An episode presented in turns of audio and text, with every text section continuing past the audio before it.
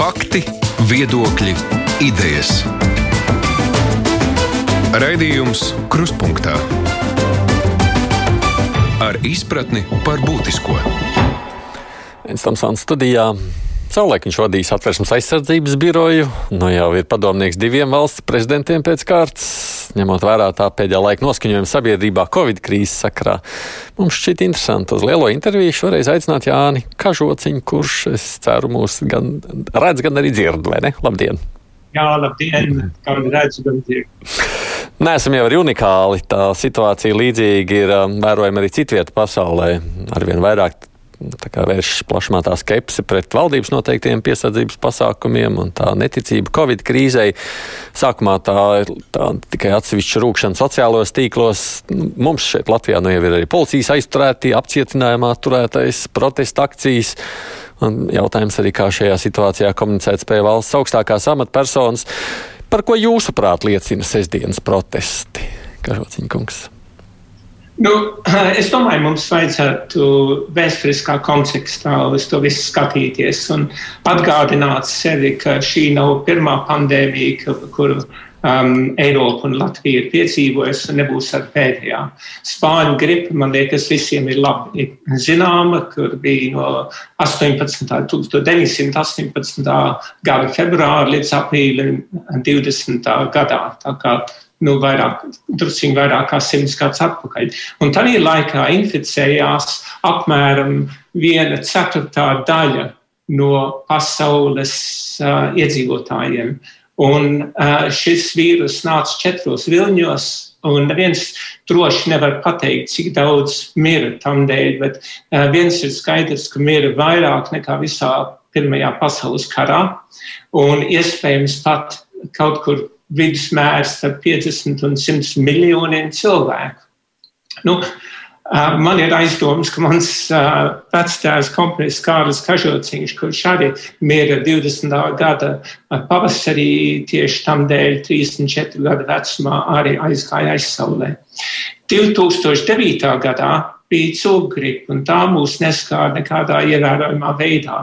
Bet interesantā kārtā tā neskāra vecāks, vecāku gadgājumu cilvēkus vai bērnus, bet skāra tieši tos ar visstiprāko imunitāti. Tā kā tie vīrusi ir dažādi.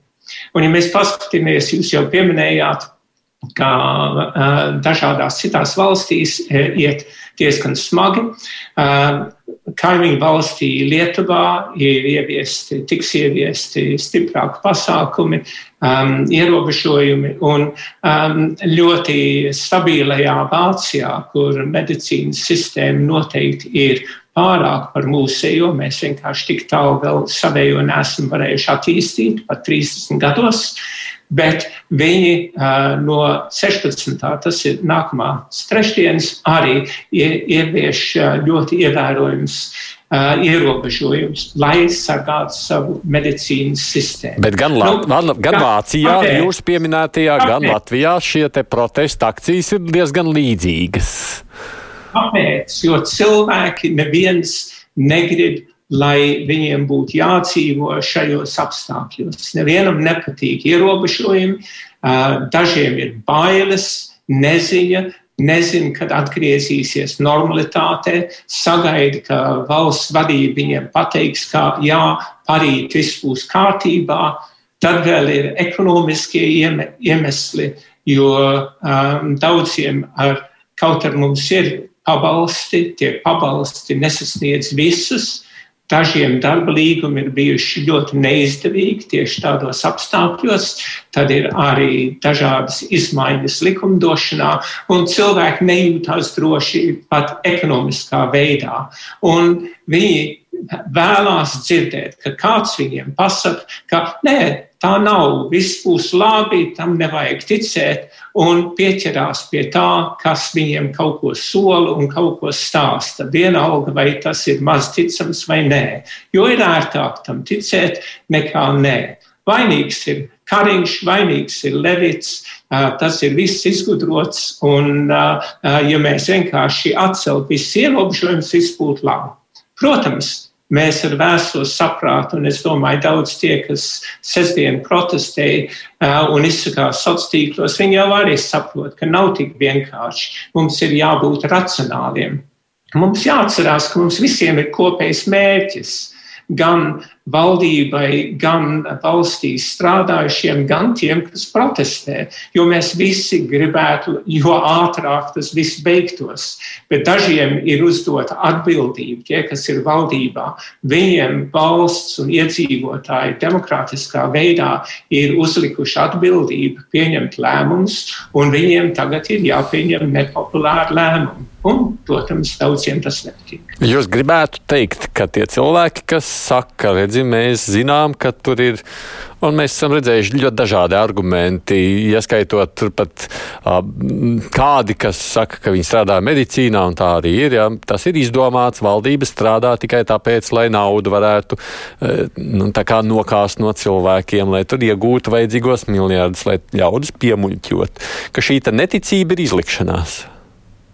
Nē, es domāju, ka uh, cilvēkiem var ļoti daudz ko iestāstīt, ja viņi vēlās to dzirdēt. Nu, paskatāmies uz to pašu nabaga ASV. Uh, nekad, vismaz um, mūsu dzīves laikā, man ir tas garāk nekā jūs ieliču. Um, nav nekas tam līdzīgs bijis, ka uh, prezidents apstrīdētu to, kas katram ir skaidri redzams, ka viņš zaudēja vēlēšanās. Bet tomēr ievērojama daļa no viņa atbalstītājiem vēlās ticēt, ka patiesībā viņš uzvarēja un kaut kādā mistiskā veidā tas viss ir sagrozīts. Un šeit ir zi, savā ziņā nu, tāda ne tikai lētticība, bet tāda mē, mēģinājums izvairīties no realitātes. Un, uh, tas ir parādījies vienmēr. Pat kara laikos mums ir musinātāji bijuši. Padomāsim atpakaļ pat uz mūsu pašu varonīgiem strēlniekiem, kuri 1916. un 17. gadā tika uh, uh, no demagogiem uh, samusināti tādā veidā, ka viņi aizgāja cīnīties par kādas citas valsts kaut kādu pavisam nu, traki iedomātu ideoloģiju. Un tikai vēlāk daļa atgriezās, un ne viss atgriezās. Nu, Ņemsim arī vērā, ka tie cilvēki, kas to musināšanu veids, tie nav ticētāji tam visam. Viņi ļoti labi apzinās, kas ir patiesība un kas nav, bet viņi uh, prot izmantot šo cilvēcisko vājumu, lai mēģināt sasniegt savus politiskos mērķus, savu atpazīstamību, un tas ir ko sauc par populismu. Kas nozīmē, ka ir kādi cilvēki, kas izmanto cilvēku lēticību, jeb nespēju kā, pašiem izšķirt un domāt, un tad uz šo pelnu. Tā. Savā ziņā tā ir. Zīgeres laiki, kad um, balsis varēja nopirkt par banāniem, tie, paldies Dievam, garām, un arī ņemot vērā, ka um, mūsu valsts ir izgājusi cauri vairākiem diezgan lieliem izaicinājumiem, un tas bija arī mūsu finanšu krīzes laikā. Tas bija ļoti liels izaicinājums, kur cilvēkiem bija jāsaņemās, un daudz to nespēja, un, un bija, es teiktu, spiesti doties prom no mūsu valsts, kas ir šausmīgi zaudējums. Bet šī pandēmija tagad ir mūsu skārus kopš pavasara, un mēs neredzam galu. Jā, vakcīna kā nāk, bet uh, šis ir vīrus. Un um, ir ar vakcīnu pret uh, gripu. Grips arī, gripa arī ir vīrus, un uh, vakcīna ir tikai daļēji veiksmīga. Uh, mums ir jāsaprot, ka mēs dzīvojam bīstamajā pasaulē, un ir jādara dažādas lietas, lai to bīstamību samazinātu, lai mēs varētu droši dzīvot. Un tas tā ir tā dilema, ar kuru valdībai ir jācīnās. Mēs īsti visi nezinām, kas, uh, kas notiek, kāds tas vīrus ir un kad viņš atkāpsies cik lielā veidā mēs varēsim ar vakcīnu viņu apkarot. Nu jā, bet ņemot vērā, ka ir kādi cilvēki, kas izmanto ļaužu ticību, un tur nu, mēs droši vien šobrīd, ja mēs sadalītu klausītājus, tad viņi teiktu, ka katrs divās daļās. Viens sacītu, ka tāds kā Kariņš vai Levits vai Kažociņa kungs izmanto manu lēticību un tādā veidā muļķot cilvēks, un otra teikt savukārt, jā, ka tā, tā, tur ir daži tie, kas organizēja sestdienas piketu, izmanto citu cilvēku lēticību vai drošības iestādēm. Uh, Nu, tas taču ir viņa pienākums šos izmantotājus nu, atklāt, izķert un vismaz neļaut spēlēt uz ļaužu prātiem, vai ne tā? Nu, te ir vēl viena dilema. Un tā dilema ir starp valsts drošību un um, tiesis, uh, tiesiskumu jo cilvēka brīvība, vārda brīvība, cieņa pret citiem ir mums absolūti fundamentāli. Un tādēļ pavisam pareizi šī, šie um, protesti sestdien tika atļauti. Uh, tas ir nepieciešams, vārdu brīvība ir jādod. Un tie, kas cenšas kaut izteikt, varbūt arī labticīgi savu neusticību um, valdībai vai neticību um, epidemiologiem.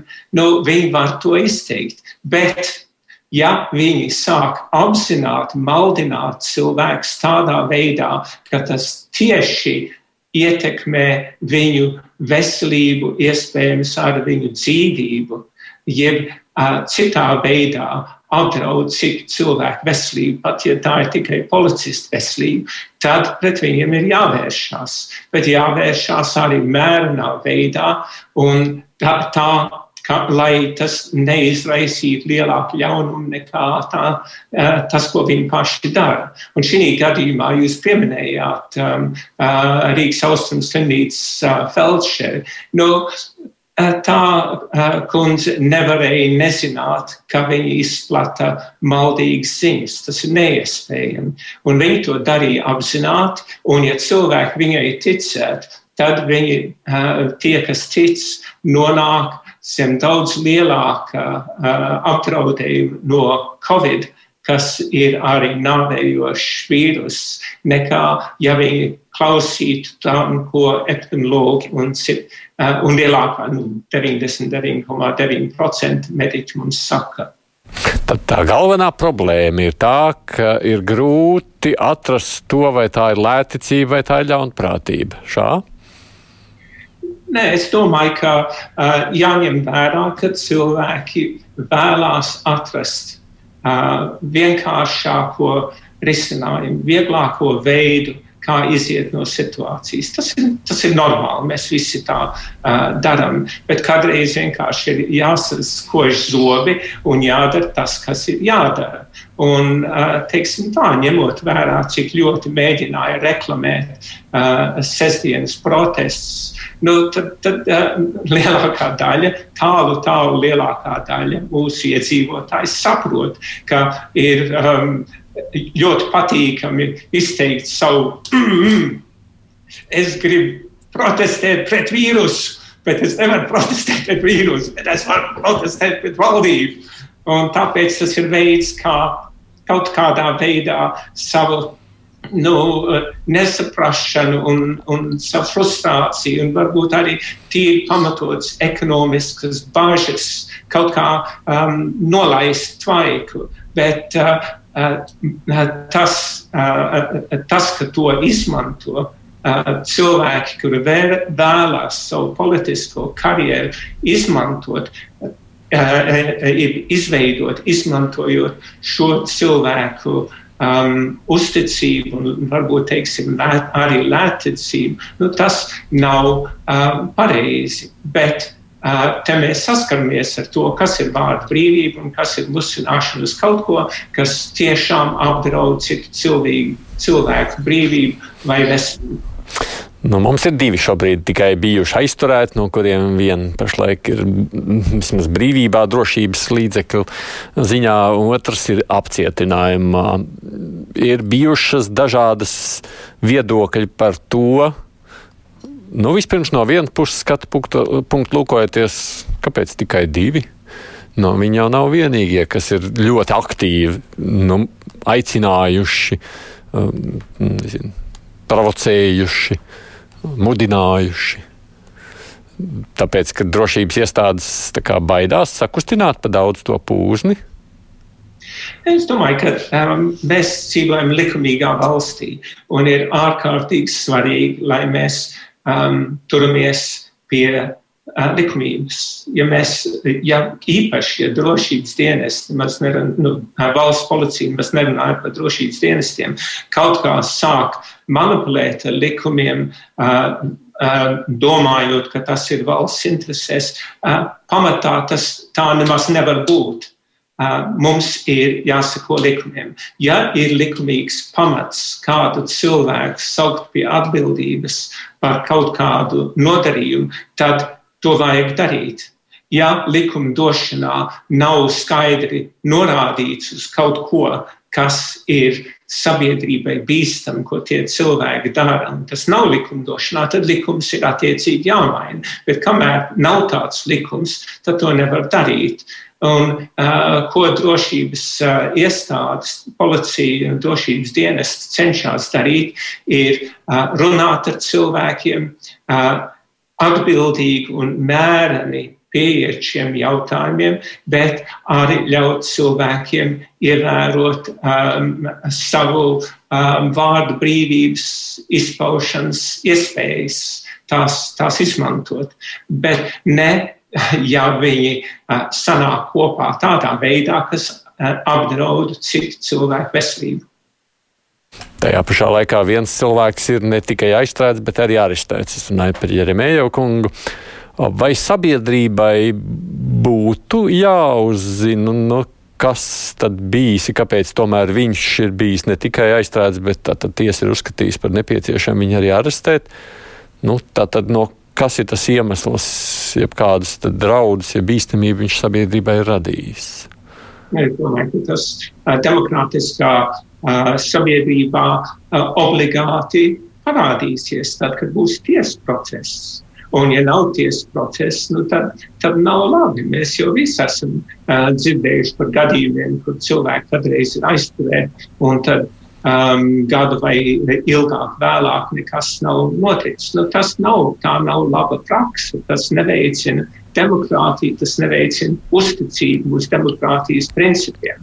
Un tāpēc uh, es domāju, ka drošības iestādes ir ļoti uzmanīgas ar to, ko viņi dara. Viņi uh, noteikti nespēr tādu soli, ja viņi nebūtu pārliecināti, ka viņiem ir pietiekami pierādījumi, lai varētu arī dabūt attiecīgi tiesas spriedumu. Un tad, um, uh, protams, cilvēki uzzinās, kas reiz viss tā stāv, bet kamēr tas vēl ir um, uh, subjudicē, kamēr par to uh, skatās, domā un izmeklē, uh, varbūt viņiem ir savu pamatojumi, kāpēc uh, plašāk neskaitot, kāpēc tieši tas cilvēks un ne citi cilvēki. Un manai tādai žurnālistiskai ziņkārai sakot, nu tā tad tur varētu būt kāds aiz viņa stāv, vai tur ir kādas intereses, vai tur, piemēram, viņš pārstāv kādu, nezinu, finansējumu vai vēl kaut kādas citas intereses. No tā, tādām spekulācijām ir pamats. Ja? Nu, um, es domāju, šeit uh, ir arī jautājums par to, uh, kāpēc mums vispār parādās um, šādi, uh, šādi musinātāji un, uh, un tas, no kurienes tas nāk. Nu, mēs, piemēram, zinām, ka ir labi pazīstama tā Krievijas Pēterburgas troļu ferma, kura bija spējīga pat organizēt protestus ASV mazpilsētās, nu, mūsu gadījumā tā būtu lielspilsētas, kur gan vienu, gan otru pusi musināja tie paši troļi no Pēterburgas. Nu, pilnīgi, nu, nu, to nevarētu izgudrot, ja to kāds uzrakstītu kādā, kādā, um, kādā grāmatā, kā kā izdomājumi tam neticēt, bet tas tiešām ir noticis. Un, bet mums pašiem ir jābūt diezgan uzmanīgiem, jo iedomāties, ka viss, kas mums valstī nepatīk, aizstāv Kremļa spalvainā roka,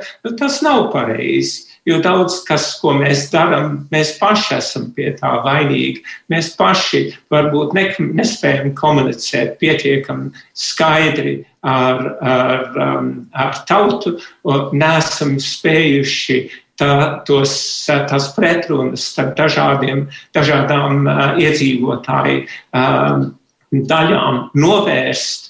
Tas ir tas, pie kā mums ir jāpiestrādā, jo demokrātija nav pabeigts process, tas ir kaut kas, pie kura visu laiku ir jāpiestrādā.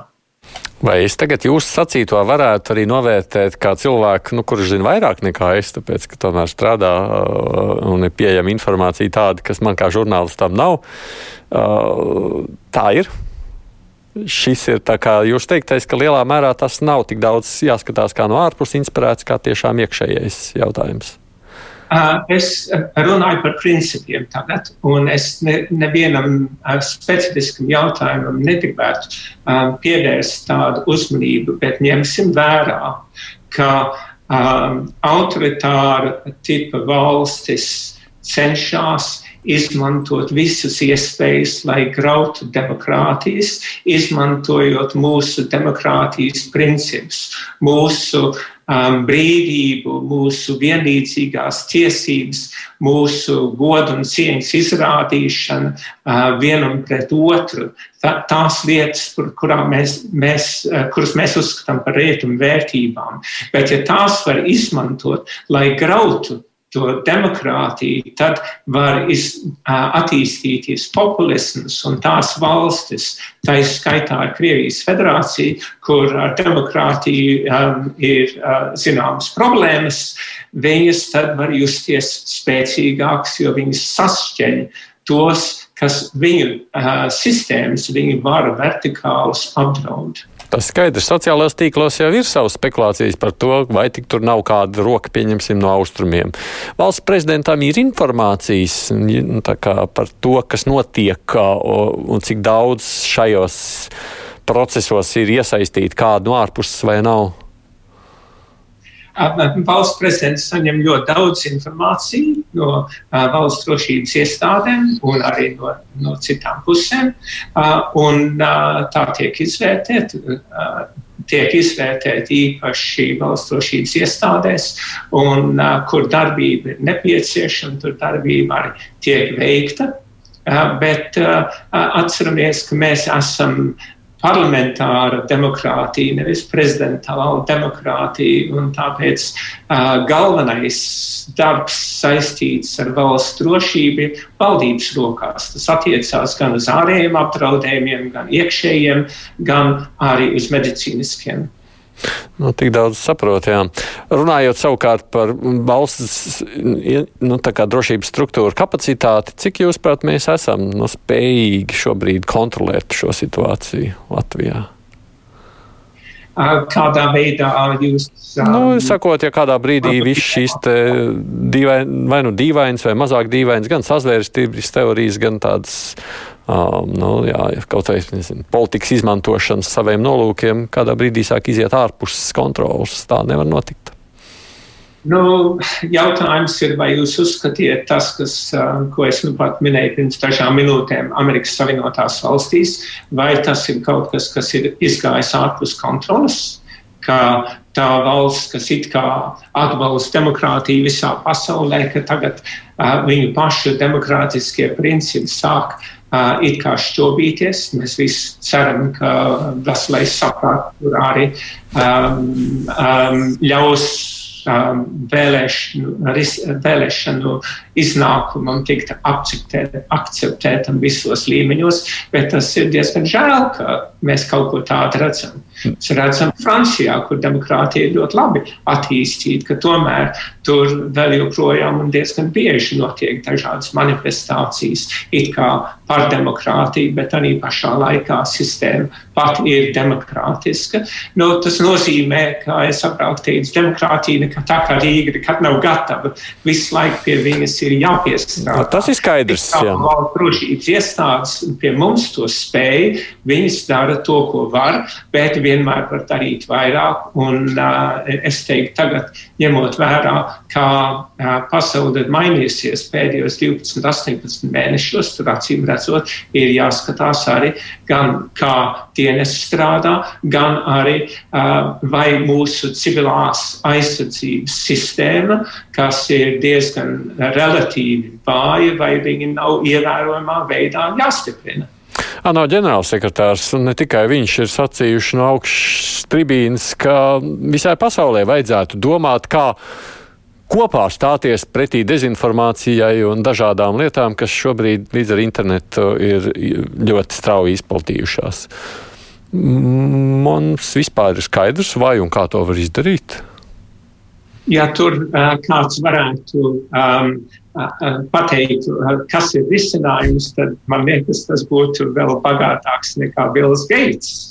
Bet uh, mēs saprotam vairākas lietas, un tas ir, ka uh, problēma šeit ir saistīta ar sociālām, sociāliem medijiem lielā mērā. Uh, intelektuāls slinkums, tas ir tas, par ko, ko es saucu par lētecību, varbūt agrāk. Um, kritiskās, vājas kritiskās domāšanas, un tāpēc mūsu skolās jau sāk mācīt, varbūt ne tik agri kā uh, Somijā, cik svarīgi ir kritiskā domāšana. Um, mēs dzīvojam virtuālos burbuļos. Tas nozīmē ne tikai tie, kas uh, lasa uh, Latvijas avīzes, lai stiprinātu savu mugurkaulu, um, saprot, ko citas lasa Latvijas avīzes domā, bet uh, ja viņi ir slēgtā uh, sociālā tīkla burbulī, kur um, um, izplat kaut kādas um, nepatiesas, izdomātas ziņas, tad jau neviens nezina um, tieši, kas tajos notiek.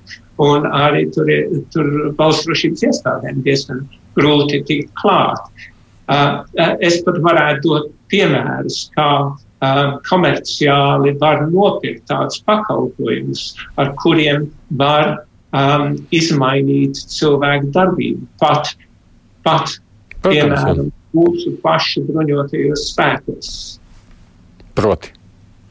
Tāds eksperiments ir uh, ticis veikts un uh, ir pierādījis, ka uh, manipulējot ar informāciju, var arī um, pārliecināt mūsu pašu karavīrus, uh, ka uh, tas, kas viņiem būtu jādara, viņi var ar kaut ko citu darīt. Jūs varat tā kā mazliet īsumā izstāstīt tā? Es domāju, es tālāk nestāstīšu, bet uh, uh, Ko es ar visu to gribu sacīt, ir, ka ir ļoti svarīgi saprast, ka um, mēs esam uh, ietekmējami, visi mēs esam ietekmējami, un tie var būt veidi, par kuriem mēs īsti vēl nezinām, jo šis uh, sociālo tīklu, šī sociālo tīklu vide, tā jau ir relatīvi jauna, viņa vēl joprojām attīstās. Un, uh, tur ir gan komerciāli uh, elementi pēc klikšķiem, kur var nopelnīt, bet ir arī politiski elementi. Un vēl sliktāk varbūt ir tas, ko uh, sauc par ilgstošās ietekmes efektu. Uh, ilgstošās ietekmes efekts ir, ja cilvēki ir kaut ko uh, pieņēmuši kā par patiesību, tad no tā ir ļoti grūti viņus izkustināt. Eh, nu, divi piemēri - Trumpa um, uh, uzticīgajiem vēlētājiem. Viņi ir pieņēmuši, ka Trumps ir dievu dots uh, Amerikas prezidents un viņam būtu jāturpina. Un viņi tomēr turpina to ticēt, vienalga, ko um, prezidents Trumps arī nedarītu. Un tāpat Lielbritānijā Brexit uh, piekritēji uh, vēl joprojām domā, ka ir labāk nebūt klubiņā, kur visiem ir lielāk, lab, lielāks labums, nekā būt ārpus tā kluba, kur tu nu, automātiski nesaņem tos labumus, ko kluba biedri. Es atgādinu, mums šeit saruna ir šodien ar Jānu Kažociņu, kurš ir valsts prezidenta padomnieks nacionālās drošības jautājumos. Raidījums Krustpunktā. Nu, es palasīšu pāris vēstules, lai jūs jūtat mūsu klausītāju noskaņu. Zita raksta šādi: Kažociņš taču ir Lielbritānijas slepenais virsnieks ar lielu sparu propagandē jauno pasaules kārtību un lielo viltus pandēmiju, un laikam personīgi vēlas, lai cilvēks izmanto par laboratorijas žurkām un nopotē. 65% netic šiem melu kanāliem un cilvēku pazemošanas un iznīcināšanas politikai, kuras simboli pat ir pieminekļi Amerikā. Ko tad teiks, kas ēd no soras karūtes un labi jūtas dzīvojot uz nodokļu maksātāju rēķinu? Nu, kā jūs uh, reaģējat uz šādu uh, nu, jūsu novērtējumu? Nē, nu, novērtējums katram var būt kāds viņam patīk, bet uh, uh, kas man mazliet uztrauc, ir tas, uh, ka tur ir norāde uz vakcināciju. Jā. Un uh, par vakcinācijām te, te nākotnē būs ļoti, ļoti nopietna saruna. Uh, jo nav, uh, tas ir pilnīgi skaidrs, ka mūsu komunikācija valsts līmenī nav tāda, kāda, uh, kādai viņai vajadzētu būt. Um, tas arī ir viens iemesls, kāpēc ir protesti.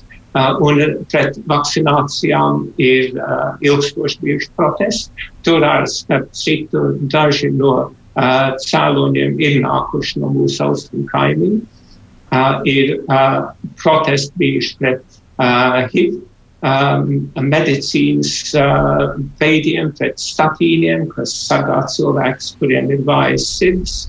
Bet atcerēsimies arī no otras puses, ka uh, bērnu trieka Latvijā, Eiropā, civilizētā pasaulē vairs neeksistē jo viņi ar vakcinācijas palīdzību ir pilnīgi novērsti to cilvēku aizmirst. Un mums jāatcerās par vakcināciju divas lietas. Vispirms, viņi nebūs obligāti, un otrkārt, viņi, nebūs bez, viņi būs bezmaksas.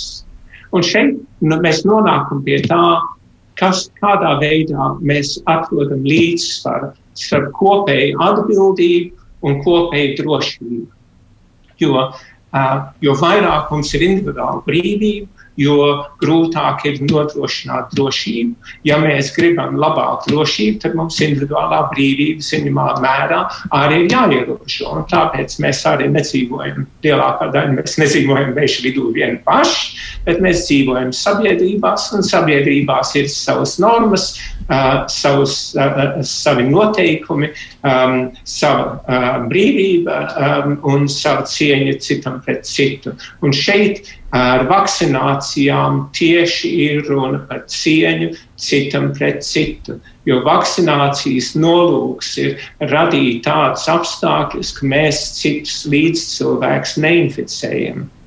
Nu, ja cilvēks sāks domāt vairāk par līdzcilvēkiem un mazāk tikai par to, kas man, man, man, es negribu, man nepatīk, nu, tad mēs arī nonāksim pie labāka kopsaucēja. Tas ir pamats visai demokrātiskai, civilizētai sabiedrībai. Bet nu, jūs jau pieminējāt, un visā Eiropā brīdina par to, ka cīņa pret vakcināciju būs tikai ar vienu skaļāk, tad, kad vakcīnas parādīsies, un mēs jau to, protams, arī redzam un sajūtam Latvijā. Latvijā, nu, kā tam vajag gatavoties? Tur jau neko, tur tāda vakcinācijas pretinieki ir un būs vienmēr.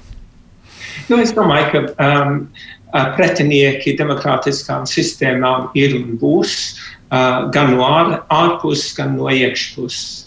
Un um, mums ir jāatzīst uh, sava uh, ievainojamība kā sabiedrībai.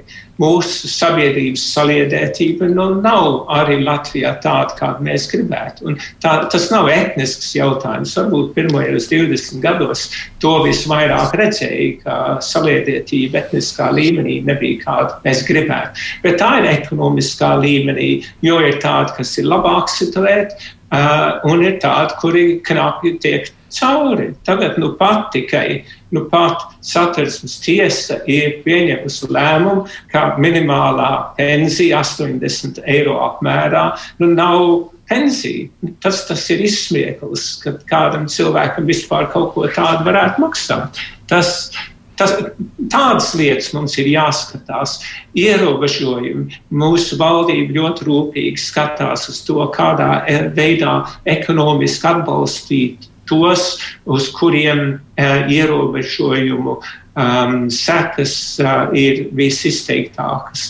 Bet viņi, uh, tas tas viņiem tik vienkārši nenotiek, jo mēs visi dzīvojam krīzes apstākļos.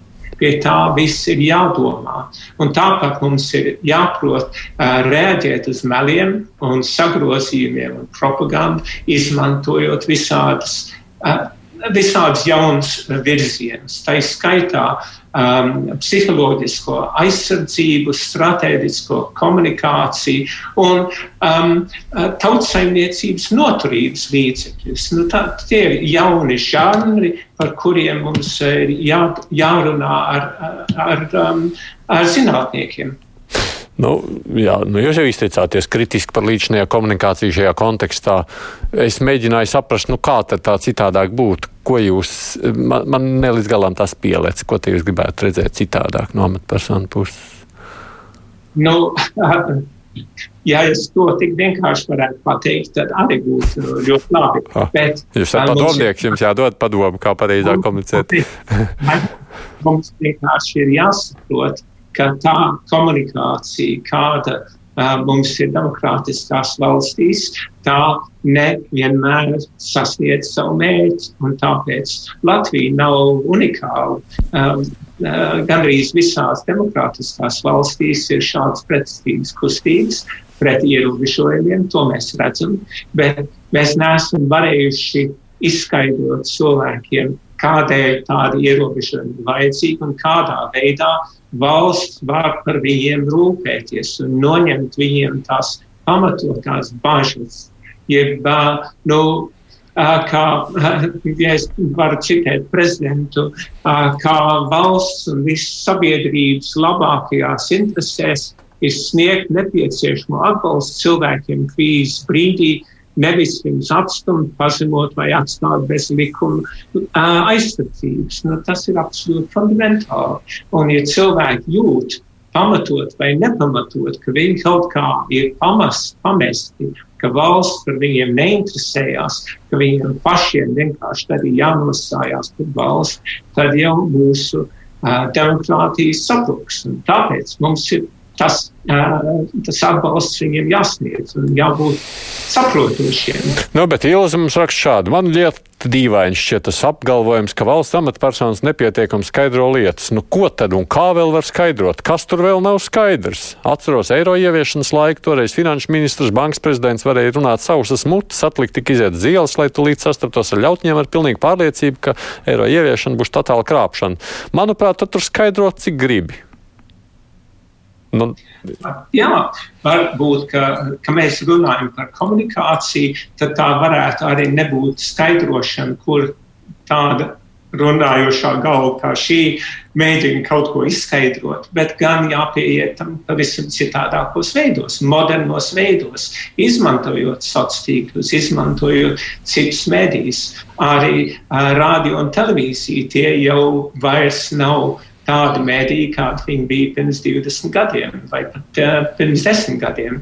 Uh, mums ir uh, jāatrod veids, kā mēs varam runāt ar, ar mūsu iedzīvotājiem, lai viņi saņemtu tādu informāciju, uz kuras pamata viņi var pieņemt pareizos secinājumus, lai um, nedarīt sev vai nedarīt savu, saviem līdzcilvēkiem pāri. Un ko te jūs darāt valsts prezidenta kancelējā, lai atrastu tos veidus tagad, kā uzrunāt sabiedrību? Tā strādājam. Kā, nu, tas skan, ziniet, kā šis ir tāds teiciens, oi, mē, mums, mums, mums, jāstra, mums jādomā, mēs strādājam, mēs darām. Nu, tas neko neizsaka. Tā ir tāda Jā. tukša pļāpa.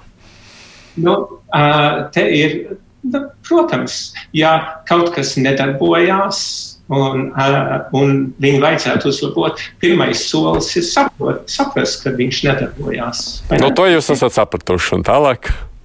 Labi. Tālāk tad ir jāmeklē veidi. Nu, es jau jums uh, nosaucu vairākus. Mums ir jārunā ar, uh, ar, ar um, zinātniekiem, ar sociologiem, ar psihologiem. Uh, ar um, politologiem, lai atrastu veidus, kā uh, izmantot modernas saziņas līdzekļus optimāli, tā lai varētu ātri novērst sarežģījumus un propagandu, bet arī profilaktiski sniegt savu redzējumu par to, kas valsts ir un kādēļ valsts ir svarīga. Es gribētu teikt, ka šis šobrīd ir tāds prezidenta nu, tā kā padū komandas viens no darba virzieniem, kurā jūs strādājat. Saki, es nesaprotu. Es saku, tad jūs sakāt, ka šis ir viens no tiem darba virzieniem, kurā kā prezidenta komanda, piemēram, šobrīd strādā, ja? Jā. Mm -hmm. Savukārt, skatoties uz sociālajiem tīkliem, kurus jau šeit visu laiku pieminam, tur ir kaut ko varbūt vajag darīt tādā starptautiskā mērogā. Nu, redz, mēs tiešām veidojam, nu, sociālajā tīklā dzīvo pēc tā burbuļu principa. Nu, tādā ziņā tas, kas tev interesē, par to tev arī piedāvā informāciju. Veidojot šādu ar vien segregētāku sabiedrību, kaut kā šo tendenci nav iespējams lausta atbildīgi. Nu, nav runa par laušanu, jo uh, tas, ka, ka kāds izgudroja, izgudroja veidu, kā drukāt, tad, tad, kad tas ir izgudrots, tas, tas aiziet. Tāpat ar sociāliem tīkliem, kad viņi ir tagad, tad viņus apturēt nevar. Um, bet kas ir svarīgi, ir uh, atrast veidus, kā viņi var uh, um, pozitīvi tikt izmantoti un uh, ne negatīvi. Un, ja mēs runājam par negatīvu, es tieši pie, gribētu pievērst uzmanību tam, kādā veidā, piemēram, Ķīnas Tautas Republika izmanto sociālos tīklus, lai manipulētu ar saviem iedzīvotājiem, lai viņus nemanipulētu, bet kontrolētu. Nu, mēs to neesam ar mieru pieņemt, jo tas ir pret demokrātiskiem principiem. Un tādēļ mums nav vienkārši uh, uh, izmantot šīs iespējas. Bet es atkārtošu, ka informācijas telpai ir centrāla nozīme. Mums tagad tik daudz jaunumu nāk klāt. Ir gan um, attīstības mākslīgā intelektā, autonomie procesi, mašīnu pašmācība, liela datu pieejamība. Un kā kādreiz kāds teica, dats ir jaunā nafta, dati ir jaunā nafta. Tur ir vērtība, tāpēc jau par viņu tik daudz cīnās.